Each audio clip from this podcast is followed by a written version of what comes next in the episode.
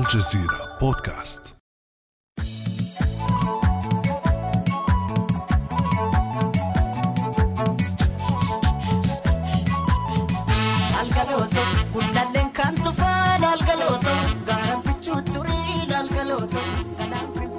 كان هذا صوت هاشولو هونديسا المغني الأشهر في إثيوبيا. وقد أثار اغتياله صيف هذا العام 2020 موجة عنف واسعة. قتل خلالها 166 شخصاً. اغتيال المطرب الإثيوبي المعارض لم يكن حالة العنف الأولى ولا الوحيدة. فإثيوبيا تعيش منذ أسابيع على وقع صراع دام جديد بين الحكومة المركزية وإقليم تيغراي في شمال البلاد. صراع بدأت ملامحه في ربيع عام 2018 مع وصول أبي أحمد إلى رئاسة الوزراء في إثيوبيا منهيا بذلك سيطرة جبهة تحرير شعب تيغراي على الحكم طيلة ثلاثة عقود فما هي قصة تيغراي؟ وما الذي أدى إلى التصعيد العسكري بين تيغراي والحكومة المركزية في أديس أبابا؟ وما تداعيات هذه الحرب على إثيوبيا والقرن الإفريقي؟ وهل تنجح مساعي الحل السلمي؟ بعد أمس من الجزيرة بودكاست أنا خديجة بن جنة.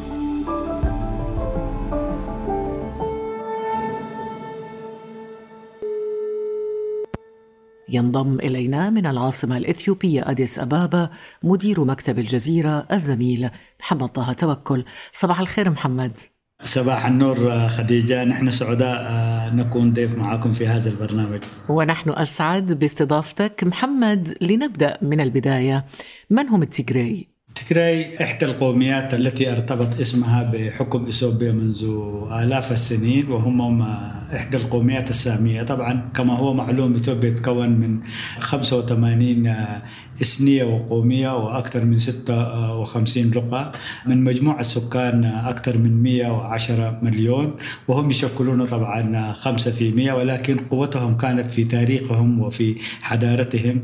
فلو تذكرنا إلى التاريخ أبراهام الأشرم الذي حاول غزو المكة المكرمة هو من هذه المنطقة. يعني أبرهة الحبشي من التيغراي؟ نعم.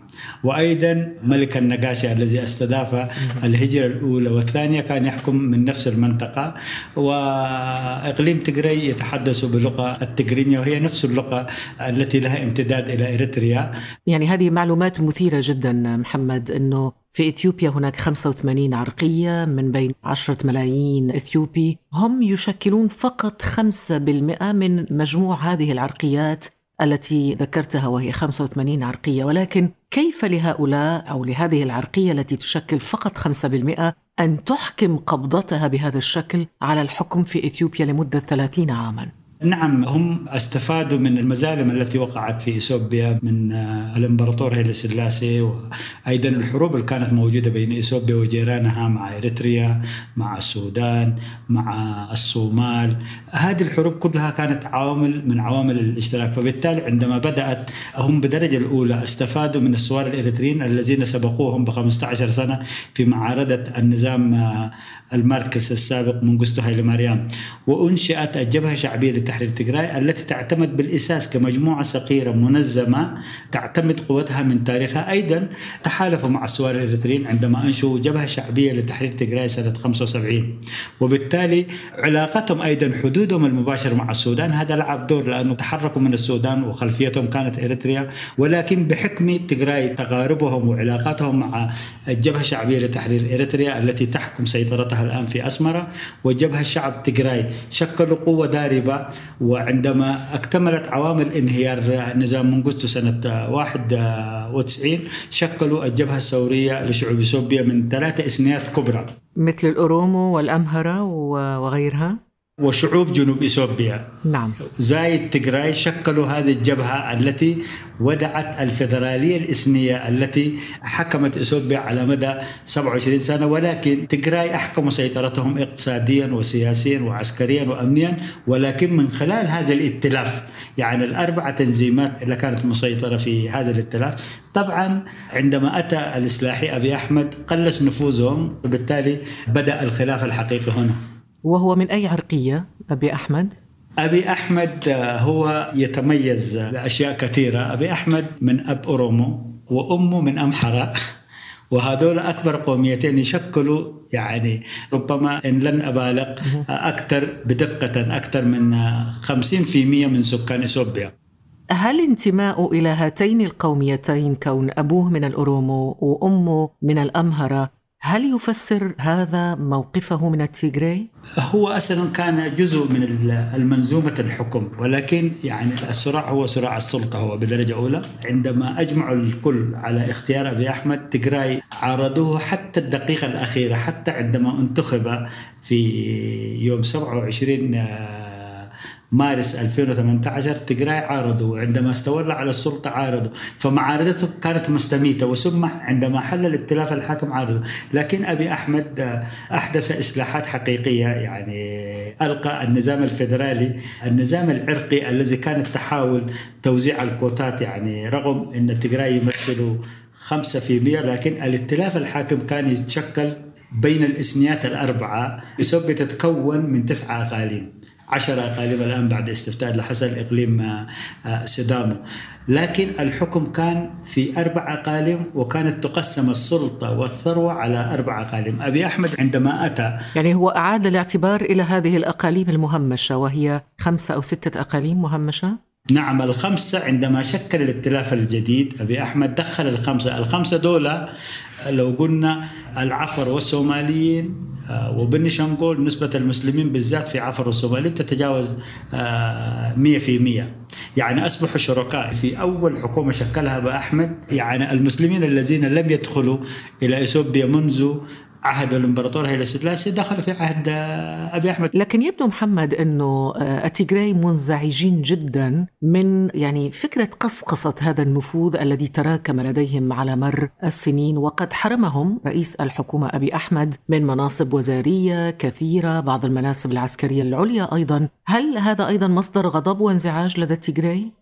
آه، نعم طبعا هذه كانت الأزمة الحقيقية التي أدت إلى تمرد تقديس نفوذهم لكن عندما وصل أبي أحمد كانت هناك ائتلاف يكون من أورومو وأمحرة وتجراي وجنوب إثيوبيا. 180 عضو هم من اللي يحكموا إثيوبيا بالجانب البرلمان الفدرالي ويوزع على أسس الإسميات نسيب الأسد. 178 كان لنسيب أورومو ولأمحرة 125 لجنوب إثيوبيا 123 التجراي عندهم 36 لكن اللجنة المركزية اللي تدير حزب الأغلبية لكن كان يحكم بأصوات القوميات الأخرى.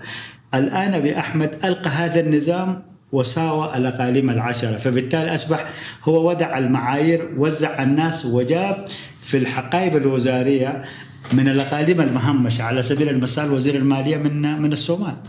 يعني وزيرة شؤون السلام مسلمة من الجنوب لكن وزيرة شؤون السلام امرأة وكانت أول رئيسة برلمان مفريات آه، كامل.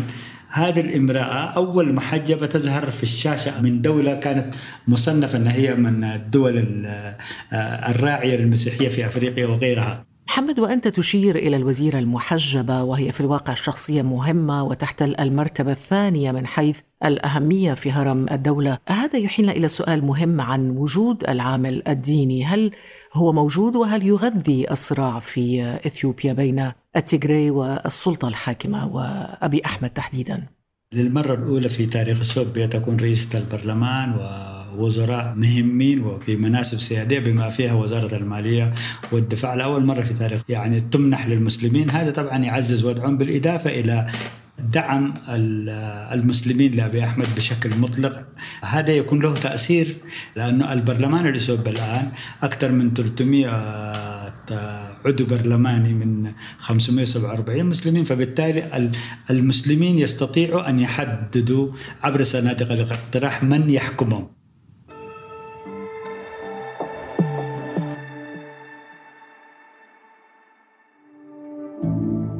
اشترك في بعد أمس لتصلك الحلقات يوميا عبر تطبيق بودكاست. تواصل معنا عبر صفحات الجزيرة بودكاست على فيسبوك تويتر وإنستغرام.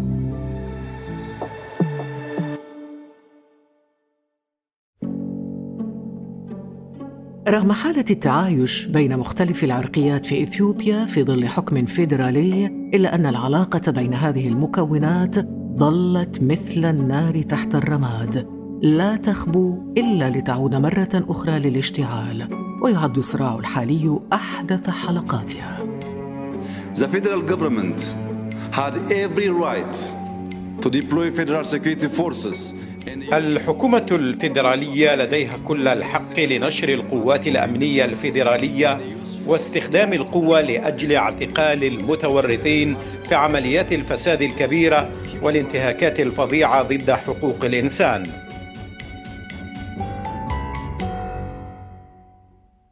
محمد توكل ما هي الشرارة التي أشعلت هذه الحرب بين جبهة تحرير شعب تيغراي وحكومة أديس أبابا؟ عوامل كثيرة وهذا كان متوقع لكن مش بهذه الدرجة التي شاهدناها لكن الذي فجر الأزمة الحقيقية عندما سيطرت جبهة الشعب تجراي على أكبر قاعدة عسكرية وأكبر آه، قطاع عسكري في إثيوبيا وهو معروف بالقطاع الشمالي الذي كان يرابط في الحدود آه، الإريترية. وهذا القطاع طبعا يملك آه، أسلحة ودبابات والطيران. تم السيطرة إليه فبالتالي هذه اللي رفع كل المحاذير وأدى إلى قرار رئيس الوزراء إعلان المواجهات العسكرية وحسم الخلاف عسكريا. طيب هذا واحد من العوامل الرئيسية وهناك عوامل لم نذكرها محمد. تتعلق بالبعد الاقتصادي للصراع بين الطرفين. ماذا عن هذه النقطة؟ المال طبعا هو كان يعني الاتهام الموجه للجبهة الآن. أول حاجة البرلمان اتخذ قرار برفع الحسانة من 36 أعداء البرلمان وهم قيادة الجبهة. ثانيا أكثر من 20 مؤسسة مالية تم تجميدها وتعليقها. أيضا مئات العقارات في أديس أبابا يعتقد حسب الاتهامات الموجهة من الحكومة لجبهة شعبية لتحرير تجراي سبقت هذه المعركة حرب إعلامية دبلوماسية ومن أهمها تغيير العملة. يعني العملة الإثيوبية التي تم تغييرها في شهر أكتوبر. هذه كانت قاسمة الظهر لجبهة الشعبية للتحرير تجراي لأنه تم تحديد تداول العملات وأيضا اقتصاديا خنقها طبعا إغلاق الحدود السودانية. لكن اللافت محمد في هذه الحرب أنها في أيامها الأولى وصلت شرارتها إلى إريتريا وهي الدولة الحدودية. ما هي علاقة إريتريا هذا البلد المجاور الحدودي؟ ما علاقته بما يجري داخل إثيوبيا؟ إريتريا يعني اولا مع جبهه شعبية لتحرير تجراي هي شريكة في إسقاط نظام منغستو إريتريا هي اللاعب الرئيسي في في التسعينات في إسقاط النظام وترتيب الوضع في إريتريا. ولكن عندما وصلوا للسلطة اختلفوا والاختلاف تطور حتى احتكموا على السلاح وفي ترسيم الحدود وتطور القتال وعندما كانوا التجراي في السلطة حاصروا إريتريا على مدى عقدين من الزمان. هذا الحصار كان عنده تبعيات اقتصادية عزل الحكومة الإريترية الإريترية أجا أبي أحمد كسر هذا المحاذير وفتح الحدود وبنى علاقات ارتقت إلى تعاون استراتيجي بين الجانبين. نعم ولكن إريتريا متهمة بمساعدة الحكومة الإثيوبية ومساعدة عسكرية للقوات الفيدرالية. هذا اتهام رسمي من إقليم تجراي موجود ولكن قد يكون مثلا التأمين مجرد حدود إريتريا أصبح صديق للحكومة المركزية وسمحوا للحكومة المركزية الخلفية بتاعتهم تكون آمنة. ربما هذا يكون عسكريا حسب لأنه تجراي عندما سيطروا على إثيوبيا كانت خلفيتهم هي إريتريا لكن الحكومة الإريترية بتحمل تجراي هي على مدى عقدين من الزمان حاصروهم وهذا الحصار كان له تأثير اقتصادي. انعكس سلبا على المواطن الإريتري الإريتري بسبب هذا الحصار طلعوا من إريتريا. الحروب كانت لها تأثير طيب ماذا عن التداعيات الإنسانية لهذا الصراع لهذه الحرب؟ خصوصا أن الأنباء تنقل نزوح أكثر من 30 ألف لاجئ يفرون أو ينزحون من الإقليم إلى السودان. طبيعة الحرب دائما ضحاياهم المدنيين وخاصة الإقليم كان محاصر من الاتجاهات الأربعة. ما خرجوا للسودان قد يكون أعداد جدا ضعيفة. لو قارناها مع المحاصرين خمسة ملايين في الإقليم. ولكن في الإقليم يوجد خمسين ألف لاجئ من إريتريا. وبجانب توجد 20 منظمة تابعة للأمم المتحدة وأكثر من 9000 موظف للمنظمة. طيب ما دمنا نتكلم عن مساعي الأمم المتحدة بخصوص هذا الوضع الإنساني المتدهور. لنستمع معا إلى روبرت كولفيل المتحدث باسم مفوضية الأمم المتحدة وهو يشير إلى جرائم حرب تكون قد وقعت في إقليم تيغراي. If confirmed as having been deliberately carried out by a party to the current fighting, إذا تم التأكد من أن عمليات القتل هذه تمت بشكل متعمد من جانب الأطراف المنخرطة في النزاع القائم فإن قتل المدنيين سيصل إلى درجة جرائم حرب. وفي تلك الحالة سيتوجب إجراء تحقيق شامل ومستقل بهدف تحديد المسؤولية الكاملة. محمد توكل ما حقيقة إذا هذه المزاعم بوقوع جرائم حرب في حق مدنيين قدرت أعدادهم بالمئات؟ هي حتى الآن المنظمات الأممية أو المراقبين لم يستطيعوا الوصول لمعرفة ما يجري رغم كان من قلة المؤسسات الإعلامية التي ذهبت إلى المنطقة كانت قناة الجزيرة في منطقة حومرة والآن في اللماطة آه، وأيضا إف بي كانوا موجودين مع الفريق. هي طبعا يعني الحرب قد تكون تأخذ آه، حرب انتقامية في بعض المناطق. قوميات كان دمت إلى منطقة وفي ناس يعتقد إنهم ينتمون إلى امحره جغرافيا كانوا دمهم إلى إقليم تجراي فعملية الانتقام حدثت في مناطق بما فيها في مي خضراء ولكن من الصعب التأكد آه، من الناس اللي أفرطوا في استخدام القوة وارتكاب الجرائم. ولم يفتح تحقيق مستقل وشامل في الموضوع؟ الآن الحكومة شكلت لجنة تحقيق آه، مستقل والاتهام موجود للجبهة الشعبية لتحرير آه، تجراي وهي تنفي إذا هل برأيك محمد يمكن أن يتحول هذا النزاع بين حكومة أبي أحمد وتجراي إلى حرب أهلية؟ هو مستبعد آه، يكون حرب أهلية كان صراع بين الجبهة الشعبية لتحرير تجراي والحكومة المركزية لكن عمليا رئيس الوزراء يعني كسب المعركة بسيطرته على 70% من المدن والمناطق الرئيسية. وهذا حيعزز آه، نفوذ أبي أحمد حتى بالنسبة للقوميات والاسنات الأخرى والاتجاه الموجود.